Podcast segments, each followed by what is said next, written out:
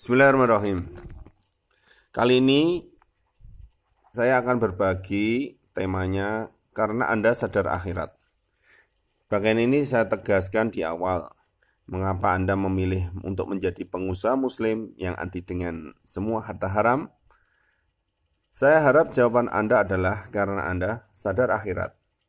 Kita bersyukur kepada Allah belakangan ini kaum muslimin telah menyadari arti penting harta halal dan bahaya harta haram, ditandai dengan semaraknya gerakan-gerakan hijrah dalam masalah ekonomi dan gerakan anti riba. Sebagian besar di antara mereka melakukan hijrah dengan harapan agar hartanya semakin berkah atau karena latar belakang rasa takut jika ada harta haram di rekeningnya, harta akan cepat habis.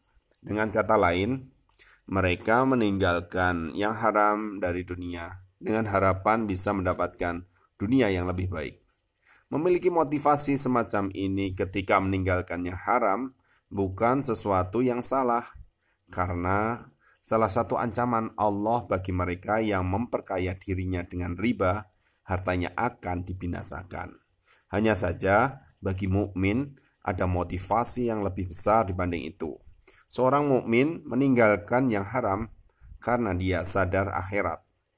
Dia sadar nanti semua penghasilannya akan dipertanggungjawabkan akan dipertanggungjawabkan di hadapan Allah.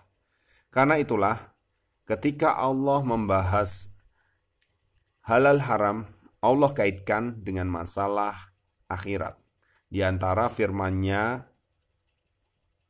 di dalam surat Al-Mutaffifin ayat 1 sampai 4 dijelaskan yang artinya kecelakaan besarlah bagi orang-orang yang curang, yaitu orang-orang yang apabila takaran dari orang lain mereka minta dipenuhi, dan apabila mereka menakar atau menimbang untuk orang lain, mereka mengurangi. Tidakkah mereka itu yakin bahwa sesungguhnya mereka akan dibangkitkan? Anda bisa perhatikan masalah timbangan, masalah takaran dalam jual beli adalah murni urusan dunia. Namun ketika Allah mengingatkan pelanggaran dalam masalah ini, Allah ingatkan tentang akhirat. Tidakkah mereka itu yakin bahwa sesungguhnya mereka akan dibangkitkan? Allah juga mengingatkan bahwa semua yang kita upayakan akan dihisap oleh Allah di hari kiamat. Allah juga berfirman di surat At-Takatsur ayat 8 yang artinya kemudian di hari itu kalian akan ditanya tentang nikmat yang kalian rasakan. Nabi Shallallahu Alaihi Wasallam juga mengingatkan manusia agar berhati-hati dalam mencari harta, karena semua akan dihisap oleh Allah. Beliau bersabda yang artinya, kedua kaki hamba tidaklah bergeser pada hari kiamat hingga dia ditanya mengenai lima hal, salah satunya tentang hartanya, bagaimana dia peroleh dan di mana dia belanjakan. Hadis riwayat At-Tirmidzi. Semua dalil ini menunjukkan bahwa masalah halal haram bukan semata masalah keberkahan harta, namun urusan halal haram juga menyangkut domain akhirat. Bagi seorang muslim kita mengendaki jangan sampai harta kita miliki menjadi sumber petaka ketika kita menghadap Allah. Dengan semangat akidah hijrah terasa lebih mudah.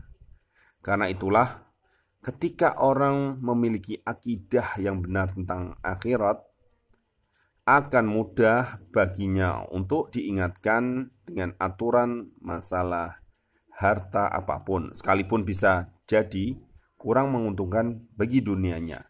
Nabi Shallallahu Alaihi Wasallam mengawali dakwahnya dengan penekanan masalah tauhid dan akidah. Beliau, beliau tanamkan ideologi yang benar kepada para sahabatnya, sehingga mereka siap menerima halal dan haram Aisyah pernah bercerita bahwa bagian Al-Quran yang awalnya turun kepada Nabi Shallallahu Alaihi Wasallam adalah surat-surat mufassal yaitu surat yang ayatnya pendek-pendek, umumnya membahas masalah surga dan neraka.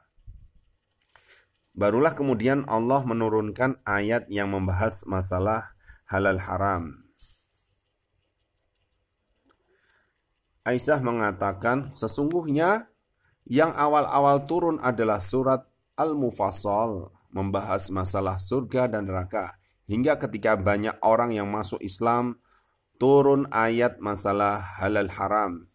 Andaikan Al-Quran yang pertama kali turun berisi larangan, janganlah minum komer. Tentu mereka akan mengatakan, kami tidak akan meninggalkan komer selamanya.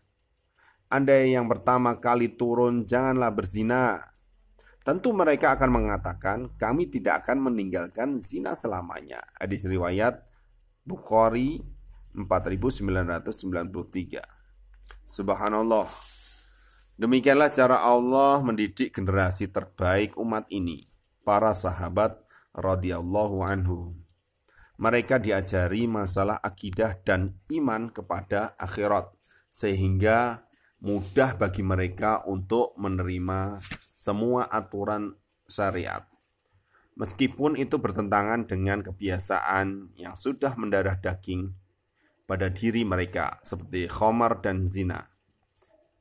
Ada banyak bukti di mana para sahabat menjadi manusia yang mudah menerima aturan.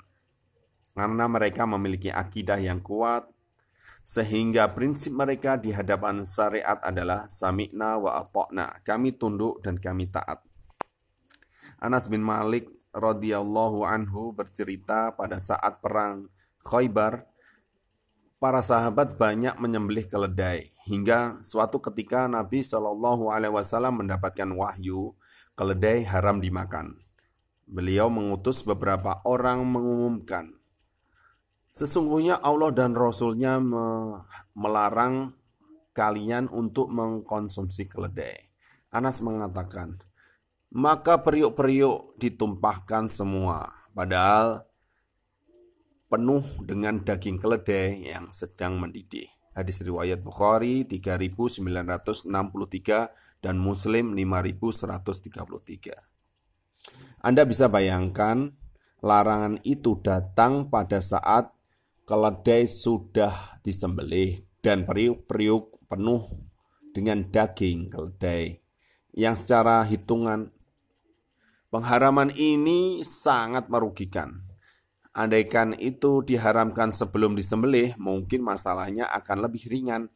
Namun ternyata Allah memberikan ujian. Larangan itu datang ketika sahabat siap untuk menyantap daging keledai yang mereka masak. Anda lihat mereka langsung menumpahkan periuk-periuk mereka. Dan tidak ada satupun yang protes. Sekali lagi, pelajarilah akidah yang benar. Insya Allah, anda akan menjadi manusia yang lebih pemberani untuk melakukan hijrah dalam meninggalkan yang haram. Demikian sharing kita hari ini, mudah-mudahan bermanfaat.